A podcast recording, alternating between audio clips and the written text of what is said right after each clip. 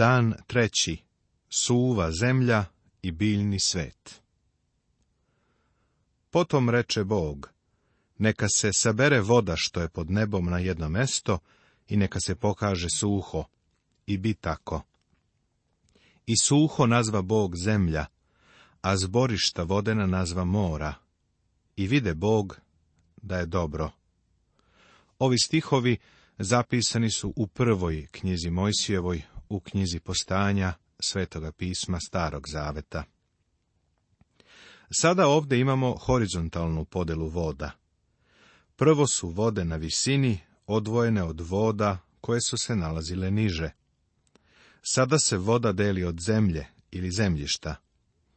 U ovome nema ništa nenaučno, ako smem da kažem.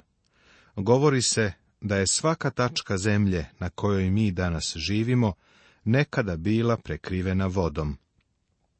Očigledno, ovo ukazuje na sud koji je nekada u dalekoj prošlosti bio došao na zemlju, ali o tome praktično ništa ne znamo. Sve što bismo rekli bila bi spekulacija. Bog nam je veoma malo o tome kazao, ali kazao nam je dovoljno da mu možemo verovati. To je sve i suho nazva Bog zemlja. Šta planira Bog da uradi? Izgleda da se priprema da načini mesto gde će staviti čoveka, mesto na kome se može živeti. Čovek nije vodeno stvorenje, niti je za život u vodi, iako postoje evolucionisti koji smatraju da je čovek potekao iz mora i iz morskog rastinja, kao što smo već spomenuli a drugi smatraju da potičemo iz đubreta. Kako je moguć takav absurd? I opet reče Bog, neka pusti zemlja iz sebe travu, bilje što nosi seme i drvo rodno, koje rađa rod po svojim vrstama, u kojem će biti seme njegovo na zemlji. I bi tako. Bog sada postavlja biljni svet, jer je čovek pre potopa bio vegetarijanac. Čovjek je trebalo da jede samo plodove i koštunjavo voće, ništa drugo. Formiranje biljnog sveta je upotpunilo treći dan. I pusti zemlja iz sebe travu, bilje što nosi seme po svojim vrstama i drvo koje rađa rod, u kojem je seme njegovo po njegovim vrstama. I vide Bog da je dobro. I bi veče, i bi jutro, dan treći. Četvrti dan pojavljuju se sunce, mesec i zvezde. I potom reče Bog, neka budu videla na svodu nebeskom, da dele dan i noć, da budu znaci vremenima i danima i godinama. Bog nije u ovom vremenu stvorio sunce i mesec. Oni su već bili gore. Bog ih je samo doneo i stavio na mesto i neka svetle na svodu nebeskom da obasjavaju zemlju. I bi tako. I stvori Bog dva videla velika, videlo veće da upravlja danom i videlo manje da upravlja noću i zvezde. Vidimo da je jedno od njih bilo zaduženo za dan i sunce to baš dobro obavlja. Mesec svoj posao noću također dobro radi. Ne znam za vas, ali ja sam svoju suprugu zaprosio na mesečini. Verujte mi, mesec je noću veoma uticajan. A zatim dolazi kratka izjava i zvezde. Ovo je baš bio veliki posao, ali ne za Boga. John Wesley je kazao, Bog je sa pola snage stvorio nebo i zemlju. Bog je stvorio i zvezde. I postavi ih Bog na svodu nebeskom da obasjavaju zemlju i da upravljaju danom i noću i da dele svetlost od tame i vide Bog da je dobro.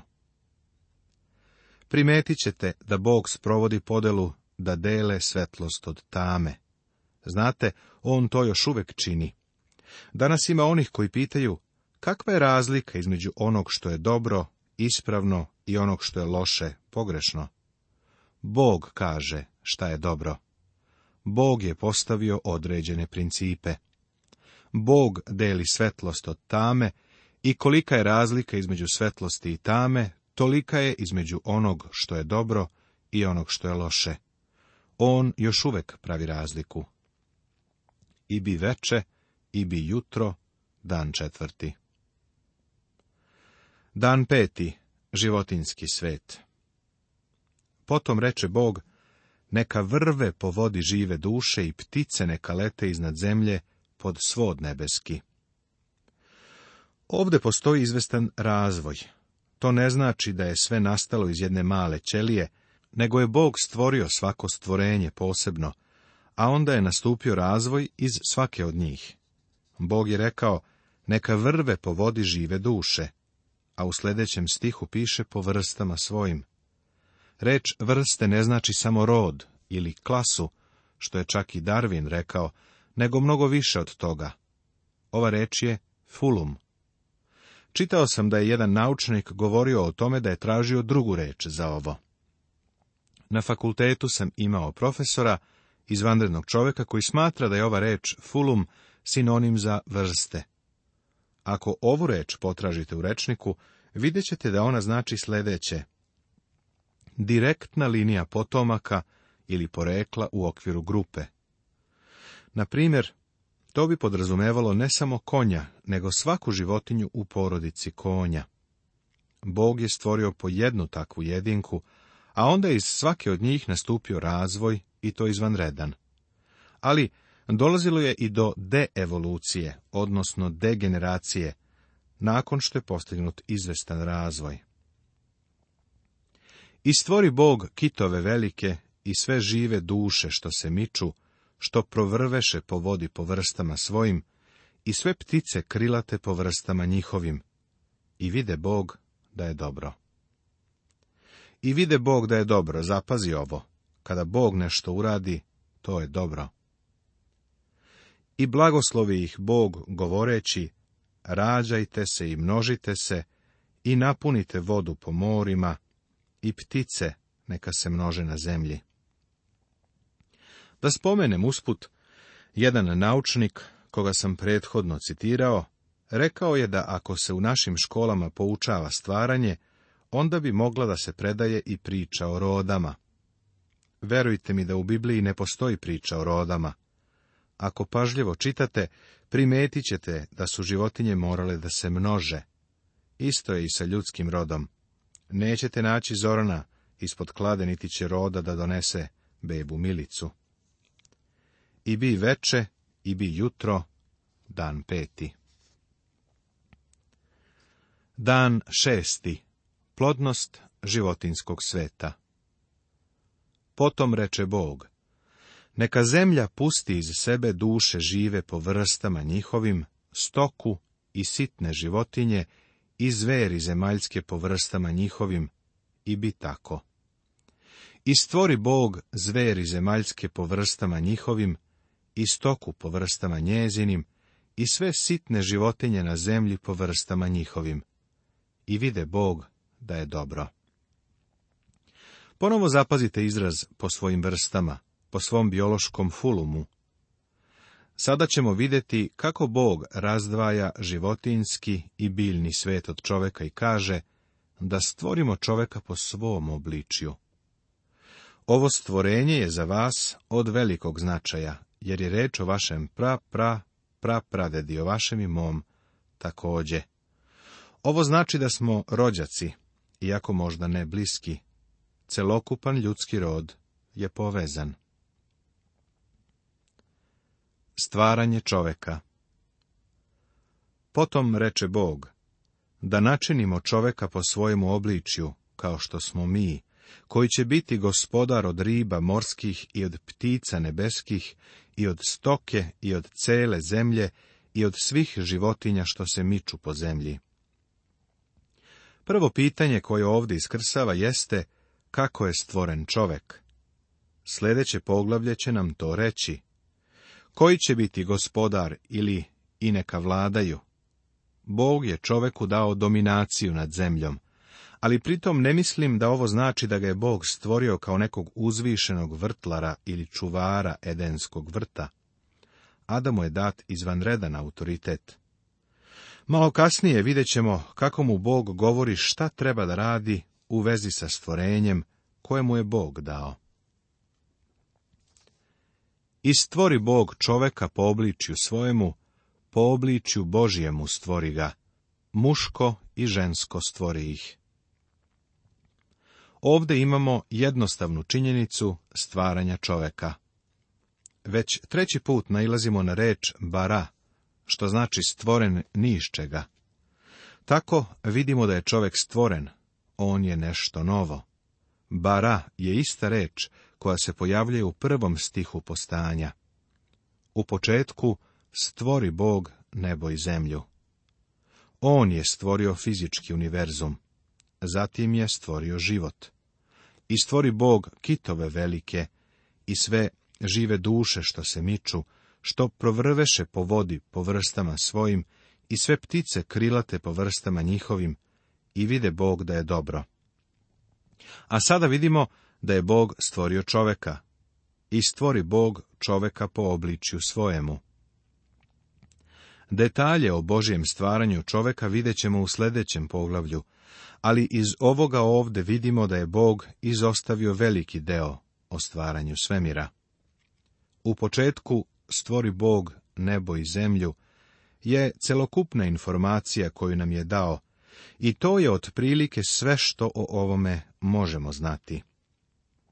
Bog je ovo mogao da popuni detaljima, ali nije. Detaljnije će govoriti jedino o jednom činu u okviru svoga stvaranja, a to je stvaranje čoveka. Znaš li zašto? Zato što je ovaj zapis namenjen čoveku. Bog želi da čovek poznaje svoje poreklo. To je kao kada bi Bog rekao, voleo bih kada biste posebnu pažnju obratili na svoje stvaranje, a ne na spekulisanje o stvaranju svemira. Ovaj stih nam govori nešto izvanredno. I stvori Bog čoveka po obličju svojemu. Želim da ti saopštim da je ovo jedna od najvećih izjava reči Božije. Ne mogu da se setim ničeg tako divnog kao što je ovo. Šta to znači? Pa, da je čovek poput Boga, kao trojedin. Odmah će neko reći, o, znam šta hoćeš da kažeš, misliš na to da je čovek fizičko, duševno i duhovno biće. Da, verujem da je to istina.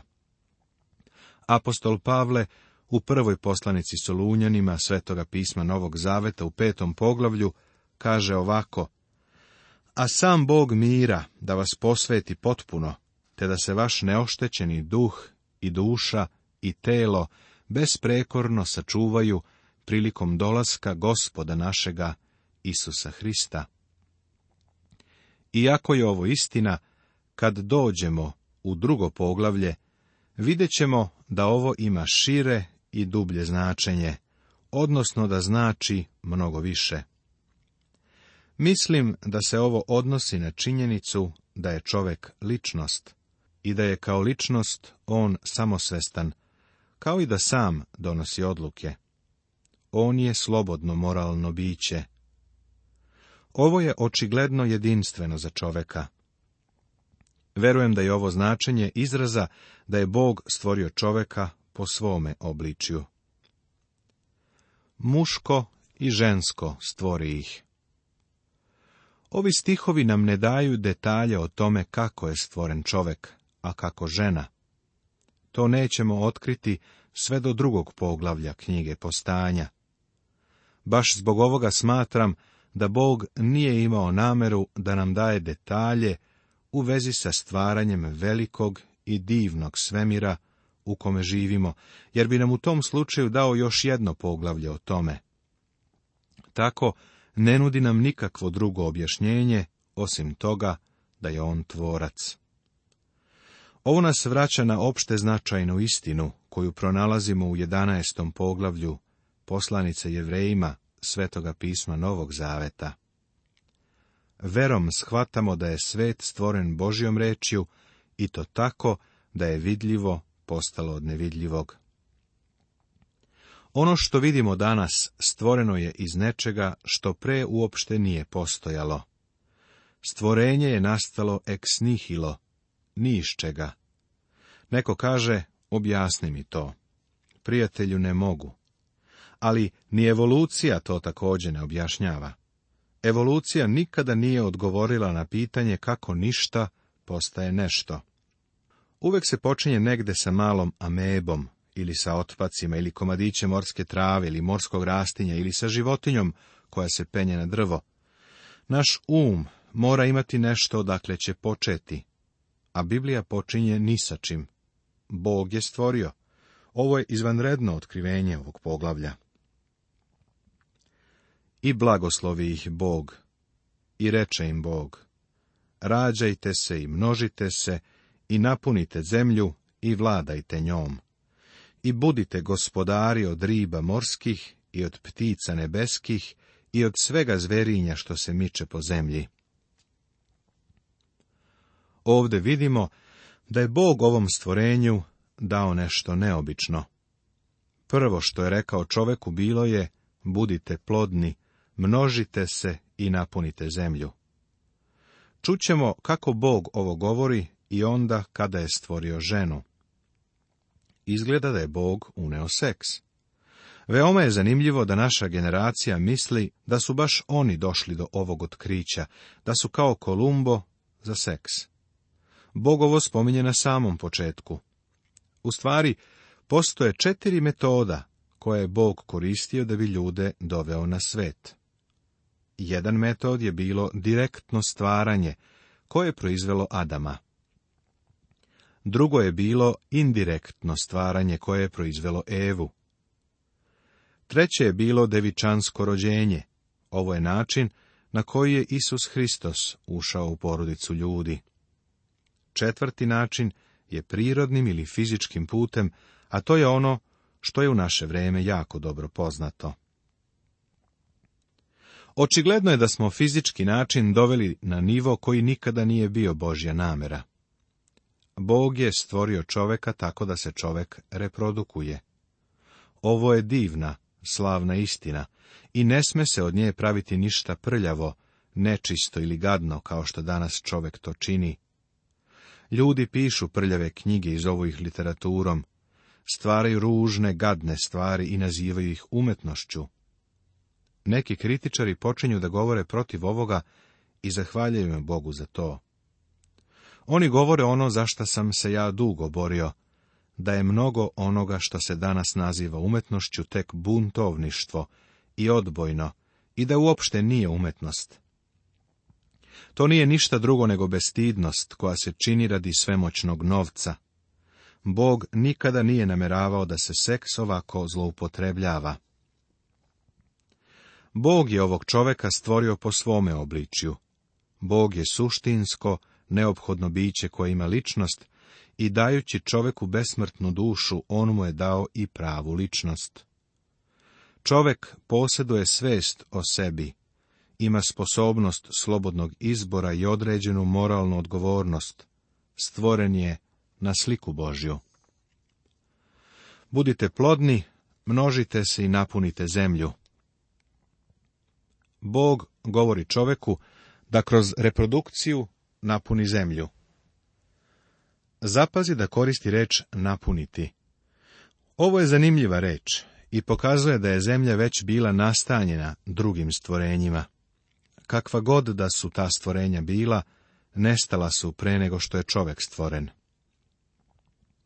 Bog također govori čoveku da pokori zemlju, da vlada njom. Mislim da je ovo osnova saznavanja i naučnog istraživanja našeg vremena.